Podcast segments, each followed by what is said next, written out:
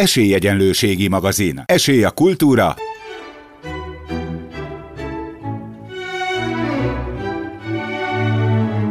Szórakozás.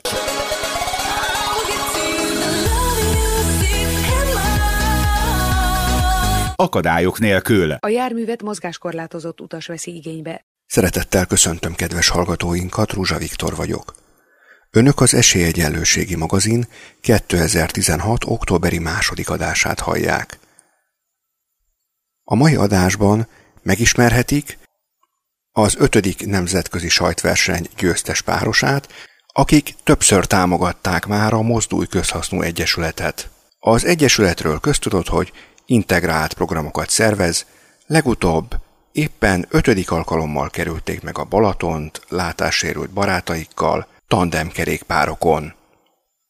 Ezt követően ellátogatunk a szeptember 17-én megrendezett színházak éjszakájára, amelynek keretében a Pesti Magyar Színházban látássérültekkel együtt interaktív kuliszabejáráson vehettek részt az érdeklődők.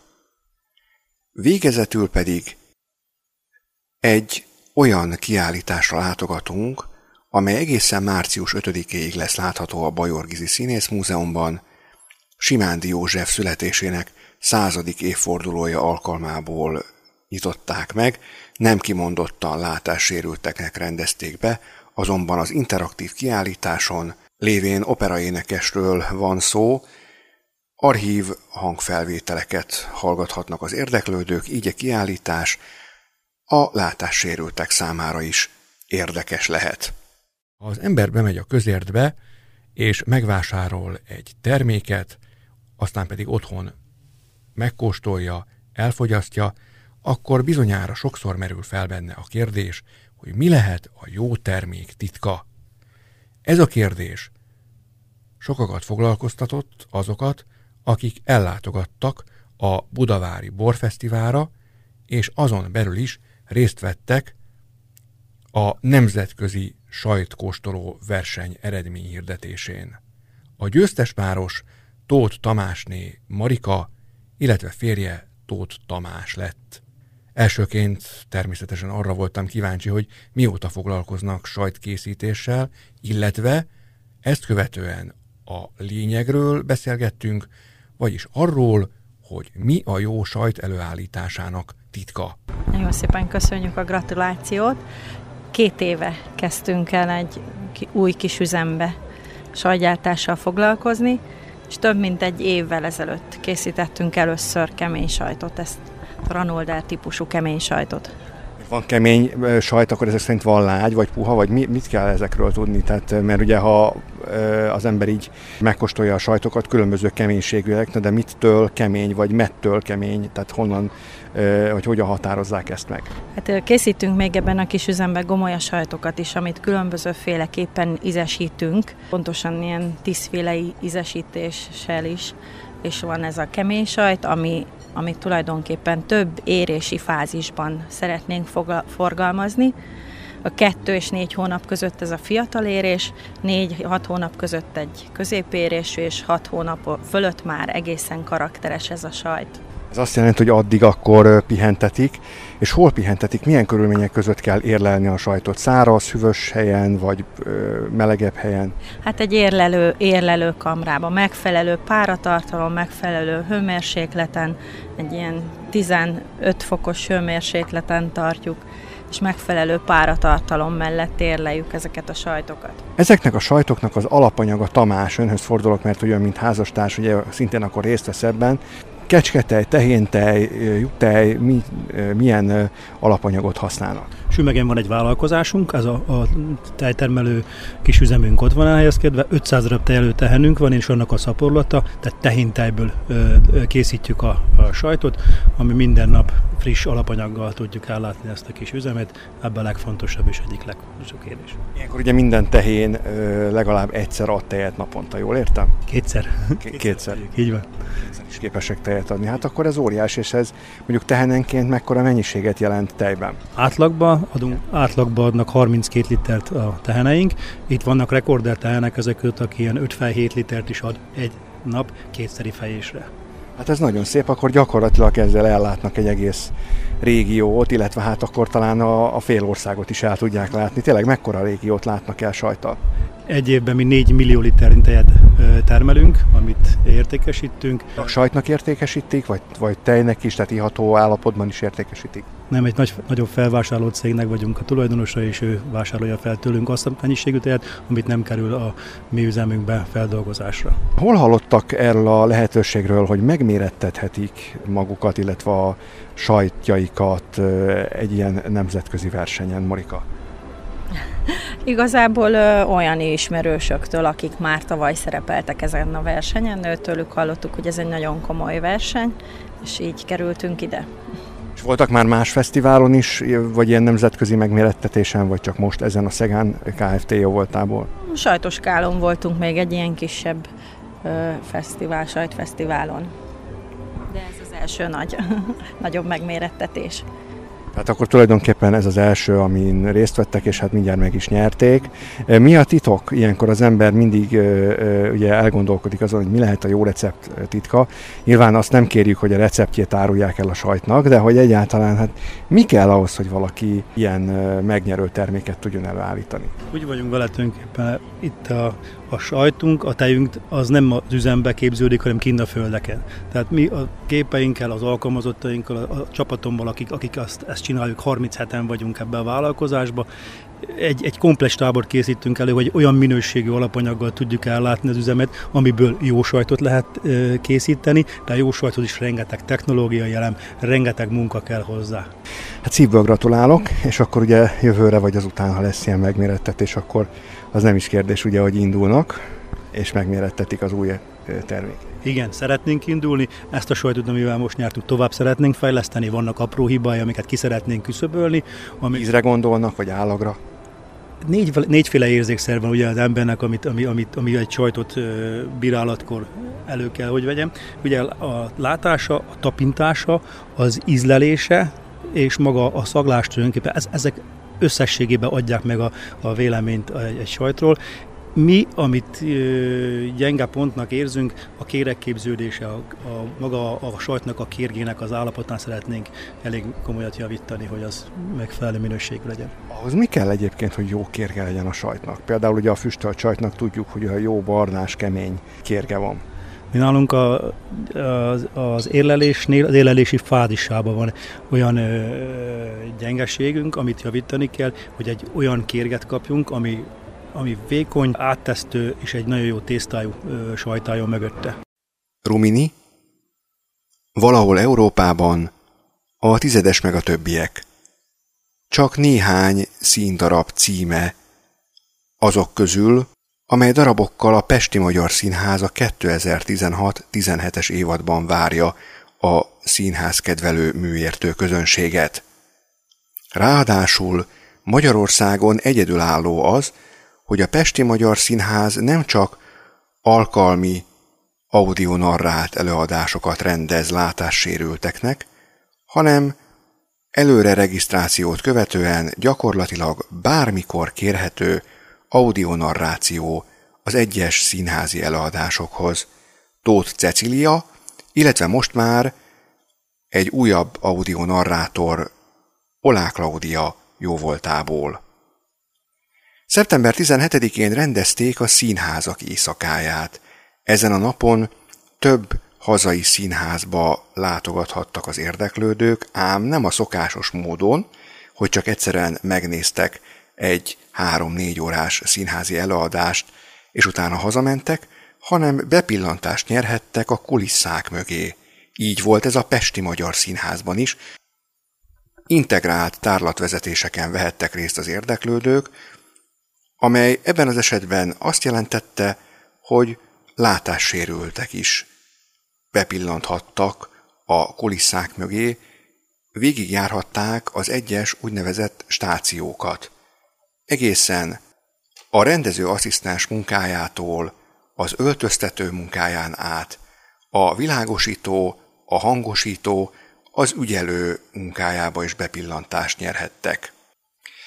Több esélyegyelőségi magazin adás sem lenne elég arra, hogy a szeptember 17-i szombat délutáni eseményekről beszámoljunk, ugyanis több órányi kulisszabejárás élményével lettünk gazdagabbak, na és persze bepillantást nyerhettünk a Mini egyik jelenetének próbájába is. Úgyhogy kiragadtam a számomra legérdekesebb mozzanatot, jelesül azt, amikor Juhász Andrea rendező asszisztenst faggathattam arról, hogy mit is csinál a rendező asszisztens. Elnézést kérünk, kedves hallgatók, az erős háttérzajért, de ez is hitelt érdemlően igazolja, hogy nem volt kicsi az érdeklődés. A beszélgetést egyébként a színház férfi varrodájában rögzítettem, mi alatt több tucatnyi ember nézegette épp a Tizedes meg a többiek című darab készülő jelmezeit. Juhász Andrea vagyok, rendezőasszisztens a Magyar Színházban. És ez a rendezőasszisztens, ez ugye egy külön foglalkozás, ugye jól tudom, hogy a Színház és Filmművészeti Egyetemen, vagy régen főiskola volt most már, ö, tanítják, ugye?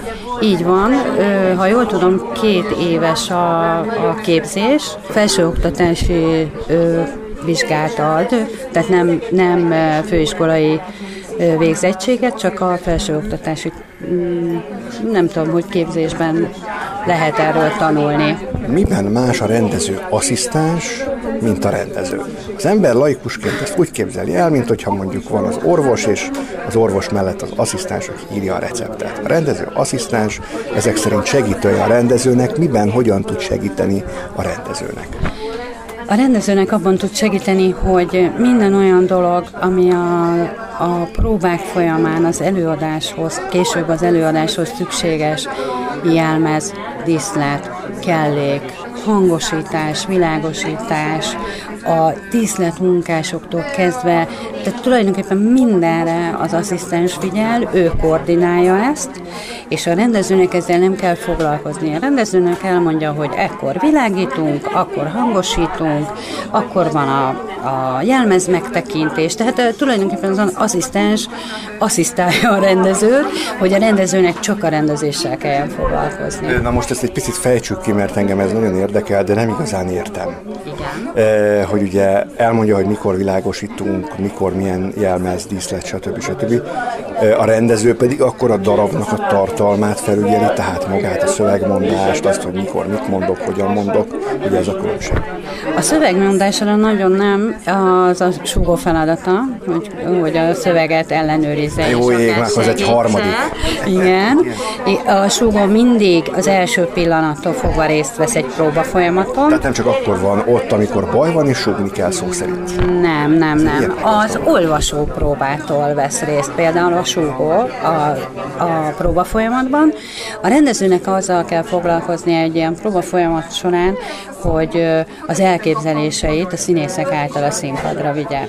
Na most ebben segítem én, hogy akkor, amikor egy jelenetet próbálunk, és még nincsenek végleges kellékek például, akkor szólok a kellékesnek, hogy hozzon fel jelzés kellékeket, ami azt jelenti, hogy úgy majdnem ugyanaz, mint amivel majd később fog dolgozni, csak ugye azt menet közben ugye kialakul, hogy ennek ilyen színe legyen, vagy olyan nehéz legyen. Tehát, hogy ezek csomó feltételeknek kell megfelelni, ugyanúgy például a jelzés jelmezek, azokat is föl szoktam, én legalábbis föl szoktam kérni próbára, mert sokkal könnyebb a színésznek is úgy dolgozni, és a rendezőnek is, hogyha valami ahhoz hasonlót lát, amit, ami az ő elképzelése. És ön többet van akkor a színészekkel, ha jól értem, mint maga a rendező ezek szerint. Így, ahogy elmondták, hogy elmondta, ez jó lesz számomra. Ö, természetes, sőt, ugye én például, hogyha délelőtt este próbálunk, én még délután is bent vagyok, mert ugye utána járok, hogy este ezt próbáljuk, akkor ahhoz milyen jelmezek, kellékek kellenek, stb. Ha már hangosítás van, akkor jöjjön be a hangosító. Világosító. Világosító. Igen, mondjuk amíg próbateremben vagyunk, addig ez, ők nincsenek, de amikor már színpadon vagyunk, és már van díszletünk, ugye azt is, mert ugye a díszleteknél is ugye megkapom a terveket a díszlettervezőtől, és én ahhoz mérten követelek.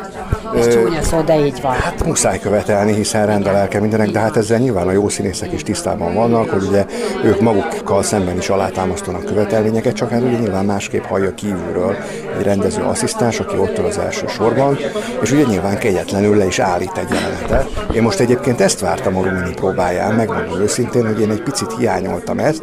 Szóval látunk egy verekedős jelenetet, amit ugye bemutattak, hogy hogyan tanulnak be. De én ugye egy picit vártam, hogy az fog történni, hogy majd itt elkezdenek valamit csinálni, és a rendező az bizony-bizony letapsolja, leállítja az első sor után, hogy ez így nem jó, hanem gyere be még egyszer, gyere be innen, gyere be onnan, de hát most nem ez történt. Szokott egyébként ilyen is történni? Az természetes, mert például pontosan most volt a Rumininak a felújítója, vasárnap délelőtt lesz a főpróbánk, és ugye ez úgy működik, hogy a rendező, amikor felújítunk egy darabot, nem mindig az első pillanattól jön. Most ugye a Ruminiban négy új beállónk van, színész beállónk, akiket én beállítottam a színpadra, a két felvonásba, és erre volt két próbám, két próba lehetőségem, és a harmadik próbára jött a rendező. És akkor a rendező instruálta a beállított színészeket, hogy hogy csinálja, mint csinálja, milyen érzelmi világot vigyen a, a karakterbe, stb. Tehát ugye ezért jön be a rendező. És a színészek egyébként szoktak önhöz fordulni, hogyha valami érzelmi problémájuk van a darabbal vagy a szereppel kapcsolatban, szoktak öntől tanácsot kérni? Tehát szokott olyan lenni, hogy önnek egy picit úgymond pszichológusnak is lenni kell? Igen, de ráadásul én 20 éve dolgozom itt a színházban, és én... És a lelküket akkor lelkivilág. Igen, mert én öltöztetőként kezdtem. Jó, te jó, és akkor ez azt jelenti, hogy a jelmeztő adja föl rájuk, tehát ő megnézi, hogy hogy néznek ki, és ugye akkor már a színésznek át kell szellemülni, és bele kell élni magát abba a karakterbe, és akkor ebben ön tud segíteni. Pontosan, pontosan, úgyhogy, úgyhogy én a mai napig nem tudom megállni, hogyha egy színészen rosszul áll a jelmez, hogy ne igazítsam meg. Vitelezzük föl, most akkor játszok önnel valamit, mert a hallgatók is biztos kíváncsiak erre, hogyha mondjuk én színész lennék itt a Pesti Magyar Színházban, és mondjuk a tizedes meg a többieket próbáljuk, akkor milyen szerepet adna nekem, és milyen jelmezt, és hogy döntenél, hogy mi áll jól nekem rám néz, hallja a hangom, hallja azt, hogy milyen beszédtechnikám van, milyen orgánum van, milyen kiállásom, és a többi. Nyilván ezek szempontok. Én megmondom őszintén, most ha már elég jól benne vagyunk a próba folyamatban, tehát hogy kialakultak ugye a karakterek. Na most mondjuk, hogy próba van, és most én vagyok egy színész. És most önnek dolga van velem, mint színésszel. Hát, nehéz dolga lenne velem, ne. tudom egyébként. Nem is az, hogy nehéz dolog, mert azért sok mindent meg lehet tanulni, pláne, hogyha van ideje az embernek rá. Tehát egy idő után kialakulnak. Ugye a karakterből is merít az ember, hogy, hogy meg hogy tudja azt még jobban megformálni. Magára nézek, és most így a beszélgetésünk alapján van egy szerep a tizedesbe, a Suhajda. Suhajda? És miért pont a Suhajda? Milyen a Suhajda karaktere? legény. Ő hozza a történetben a Szijjártót, a kommunista munkaszolgálatost. Tehát ha a filmre visszagondolunk, akkor ott a Bánhédi Laci bácsi játszott ezt a szerepet, de, de most ugye mai világban élünk, tehát hogy a mai ö, hogy mondjam, a mai, igényeknek megfelelően nekem, nekem az, az, az jut arról eszembe, és azt tudnám magának. És mi alapján? A hangom alapján, a kiállásom alapján? Mi alapján? A habitusa alapján. Habitus. Mit ért ez alatt? Tehát mi van ebben benne? Milyen gyűjtőnév ez a habitus? Ezt ön, mint rendező, vagy rendező asszisztens, hogyan ö, fogalmazza meg magának, amikor meglát valakit? És a habitus alapján? A maga a szerep, az nem az a, hogy mondjam, tehát nem egy, nem egy kimondottan egy magabiztos ember képe, ugye a suhajdának, hanem a, hanem a, a feladat elvégzés. Tehát, hogy ő kapott egy feladatot, neki ezt az embert valahova el kell vinni, azt ott kell hagyni, és akkor ő, de ez neki tök egyszerűen, most lehet, hogy nem szépen mondtam, de egy tök egyszerűen ezt vég, véghez kell vigye. És mindegy, hogy milyen akadály áll előtte, ezt meg kell csinálnia. És el is éri ezt a, a célját a végén, mert sikerül megszabadulni attól az embertől. Autószerelőből lett operaénekes, 1916. szeptember 18-án született, tehát szinte napra pontosan száz évvel ezelőtt, és 1997. március 4-én hunyt el. A magyar operajátszás legnagyobb ikonja, Simándi József, született Solder József, akiből világhírű operaénekes lett. Születésének századik évfordulója alkalmából 300 ezer magas C címmel interaktív kiállítás nyílt a Magyar Színház Történeti Múzeum Bajor Gizi Színész Múzeumában, Budapest 12. kerületében, a Stronfeld Aurél utca 16 szám alatt. Mivel is várják a látogatókat? Az interjút a kiállítás egyik társkurátorával, Sipőci Mariannal készítettem a helyszínen a kiállítás megnyitón. Ezt a kiállítást Simándi József születésének századik évfordulója kapcsán rendezik most ugye itt a Bajorgizi Színész Múzeumban. Hogyan jött ennek a kiállításnak az ötlete, hogy találtak egymásra Simándi Katával? Hát ez egy nagyon szerencsés konstelláció, ugyanis Kata, ami munkatársunk az Országos Színház Történeti Múzeum és Intézetben, ő a bábtárban dolgozik, úgyhogy tulajdonképpen Kata nem külsősként kapcsolódott bele a munkába, hanem belsős munkatársként volt ennek az időszaki kiállításnak az ötlet gazdája, és aztán a megvalósítója is.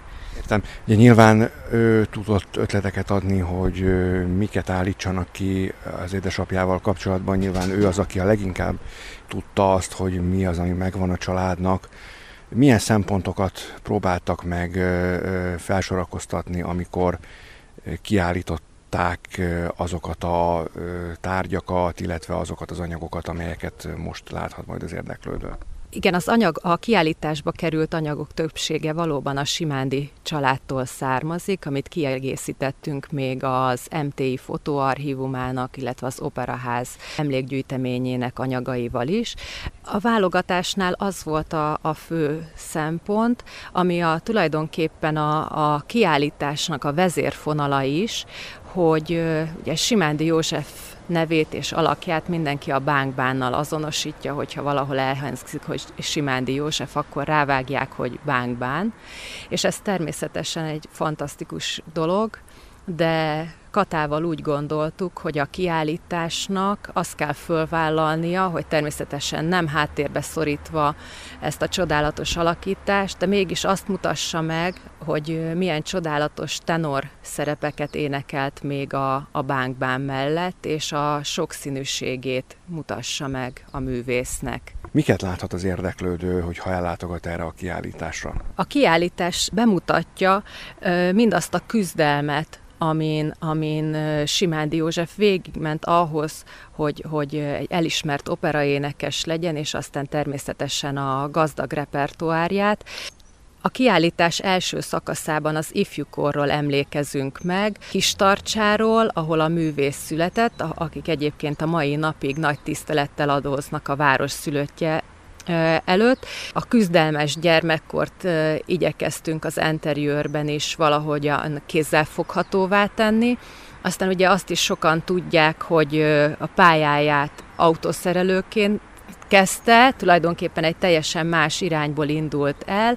Bemutatjuk a szürke taxi vállalatot, ami ugye a főtaxinak a az elődje volt, ahol ő autószerelőként dolgozott, és igyekeztünk egy kicsit a fiatalok felé is fordulni, egy kicsit őket is közelebb hozni ehhez a világhoz, hogy milyen volt egy munkás lakótelepen élni, milyen volt egy autószerelő műhelyben dolgozni, úgyhogy itt vannak apró játékok, amivel ezt, ezt a vállalatot, illetve ezt a várost és a, a munkástelep életét mutatjuk meg és aztán utána lépünk át az operák világába.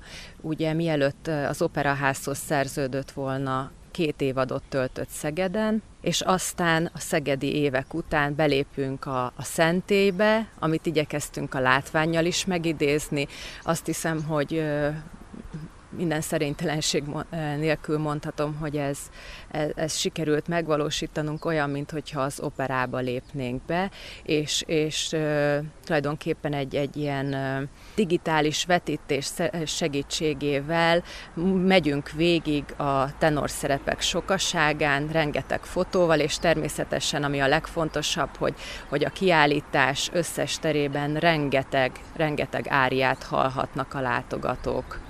Nem csak, hogy látni lehet, hanem a zeneanyagot meg is lehet hallgatni. Természetesen ezt a kiállítást nem tudtuk, nem lehetett úgy elkészíteni, hogy ne, ne a, hogy a hang ne kapjon olyan, legalább olyan fontos szerepet, mint a látvány. Persze, hiszen operaénekesről van szó, és hát ugye épp mondtam Katának is, amikor beszélgettünk a stúdióban, hogy ugye most már a halála óta fölnőtt egy generáció lassan, és Hát előfordulhat, hogy van, aki nem ismeri a hangját, meg a szerepeit, és hát ugye ilyenkor az is jó, hogyha megismerhetik, tehát egy kicsit magát a szemét azonosulhatnak azzal a karakterrel, vagy azokkal a karakterekkel, amelyeket ő megformált a színpadon. Így van, ezért is használjuk a, a digitális technikát a kiállításban több helyen. Például én azt gondolom, hogy ez a vetítés, amit az előbb említettem, illetve a játékok, azt a célt szolgálják, hogy hogy játékosabb formában, vagy a, a mai kor gyermekéhez szóló megközelítésben eljuthassunk azokhoz a fiatalokhoz is, akik esetleg nem járatosak az operába, vagy sosem hallottak Simándi József nevéről. Azt is tudjuk, hogy ugye ő nem Simándiként, hanem Sóderként született, ugye, és amikor már Szegedre szerződött, azt hiszem az volt ugye az, amikor már Simándiként jelent meg a ö, szereposztásokban, jól tudom? Igen, igen, a, a háború végéig használta a Schulder nevet. Schulder volt. Így van, Schulder. És aztán az igazoló bizottság pontosan emiatt a német hangzású név miatt tulajdonképpen eltiltotta a színpadtól, így nem szerződhetett az operaházba, és így, így került Vaszi Viktor hívására Szegedre, és ott kezdődött a pályafutása, és az operaházba már, már, már simándiként lépett, tehát akkor történt ez a névváltoztatás, és az még érdekes, hogy hivatalosan ő pontos ível írja a nevét, simándiként, de valahogy így a, a köztudatba, illetve a színlapokon mégis később Y-ként szerepel, de, de a család továbbra is pontos ível írja a nevét. Igen, tehát úgy írják, mint a nemesi származásról lenne, de nem, nem volt az ezek szerint, mert hogy pontos ível írja a nevét. Lehet egyébként a családról is látni, hallani anyagokat ebben a kiállításban? Hát már amennyire érdekes lehet ugye a, a családja, legfeljebb annyiban, ugye, hogy ismerjük meg jobban a, a hátteret, amiben született. Igen, de, de én azt gondolom, hogy az ő esetében ez, ez tényleg kifejezetten fontos és, és lényeges az ő történetében, hiszen egy, egy nehéz sorsú családban született, nagy szegénységben, a szülők elváltak. Természetesen így, hogy a családdal közösen készült ez a kiállítás, így természetesen hozzájutottunk gyermekkori fotókhoz is. Pár hónapos korából van a legkorábbi fotó, ami a kiállításban szerepel. A szüleiről is, a, a nővéreiről is állítottunk ki képet, illetve ahogy már a korábban említettem, a környezet, ez a munkás környezet, a munkás lakótelep, ahonnan jött, és ez a, a küzdés megjelenik nem csak látványban, hanem nagyon sok idézetet használunk a kiállításban, amik akár falfeliratként jelennek meg, amiket nagyon fontosnak tartunk, azokat a gondolatait, amit a Bánkbán elmondja című könyvében, nagyon szívhez szólóak, nagyon plastikusak, azokat természetesen a, a termekben is elhelyezzük, hogy, hogy ebben a kiállításban tényleg az ő prózája és az ő, ő hangja szólalhasson meg, az ő, az ő muzsikája. A kiállítás az időszaki gondolom, tehát ez valameddig lesz látható, ugye meddig látható ez a kiállítás? A kiállítás 2017. március 5-én fog zárni, tehát egy fél évig lesz látható terveink szerint. Ugye a születésnapon nyíló, nyitjuk, hiszen szeptember 18-án lenne száz éves a művész. És éppen ma van pont a születésnapja, igen? Éppen ma van a születésnap, illetve hát március 4-e halálának évfordulója, de a múzeumi nyitvatartás szempontjából itt egy kicsit eltérünk ettől a dátumtól, és így március 5-ével zárul egy vasárnapi nap a kiállítás. Nagyon szépen köszönöm, és akkor várjuk ide a ö, hallgatókat, még akkor azért a nyitvatartást mondjuk el, hogyha valaki szeretne ide eljönni a Bajorgizi Színész Múzeumban, akkor mikor tud eljönni, mikor teheti meg, hogy megtekinti ezt a kiállítást. A Bajorgizi Színész Múzeum szerdától vasárnapig tart nyitva, délután 2 és 6 óra között. És még annyit szeretnék elmondani, hogy, hogy ez az emlékév számunkra nem ér véget ezzel a kiállítás megnyitóval, hanem a, a kiállításnak van egy vándorkiállítás, verziója is, ami már megnyílt korábban. Ezzel a kiállítással már járjuk az országot, legközelebb az Erkel Színházban lesz látható, illetve rengeteg kísérő programmal készülünk az elkövetkezendő fél évben, beszélgetésekkel, ismeretterjesztő előadásokkal, mind az operáról, mind Simándi művészetéről. Tárlatvezetést terveznek-e például iskolások számára, vagy csak ezek az ismeretterjesztő előadások lesznek? Nem, nem, természetesen minden időszaki kiállításunkban gondolunk a fiatalokra is, úgyhogy tárlatvezetésre és múzeumpedagógiai foglalkozásokra is, is számítunk és tervezzük őket.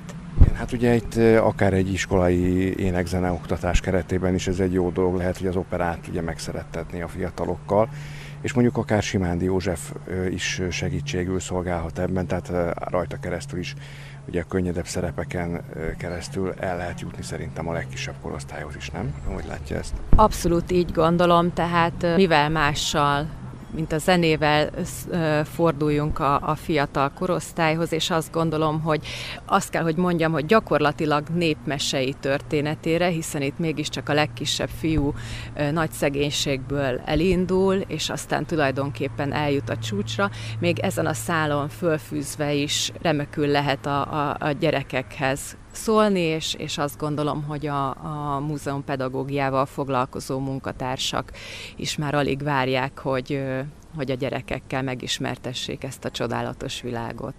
Kedves hallgatóink, az iménti percekben a 300 ezer magas C című kiállítás társkurátorával, Sipőci Mariannal beszélgettem a Bajorgizi Színész Múzeum kertjében. A kiállítás tehát a 12. kerületben a Stromfeld Aurél utca 16 szám alatt várja az érdeklődőket 2017. március 5-ig, szerdától vasárnapig 14 és 18 óra között. A műsorunk együttműködő partnerei Costa Café, az ellenállhatatlan kávék otthona. Vilmos állatpatika a gondos állattartóknak. Minden, ami a kisállatok jobb életéhez, gyógyulásához szükséges. A segítő kutyánkat, szépségét és kikapcsolódását a Dogmopolite segíti. Dogmopolite, kutyapanzió, kutyakozmetika, kutyasétáltatás, aktív napközés, kutyakigépzés felsőfokon. Önök az Esélyegyenlőségi magazin műsorát hallották. Műsorunkkal két hét múlva jelentkezünk ugyanezen a frekvencián. Műsorunk munkatársai voltak Ruzsa Viktor szerkesztő műsorvezető, a postamester Bratkóné Földesi Ágota.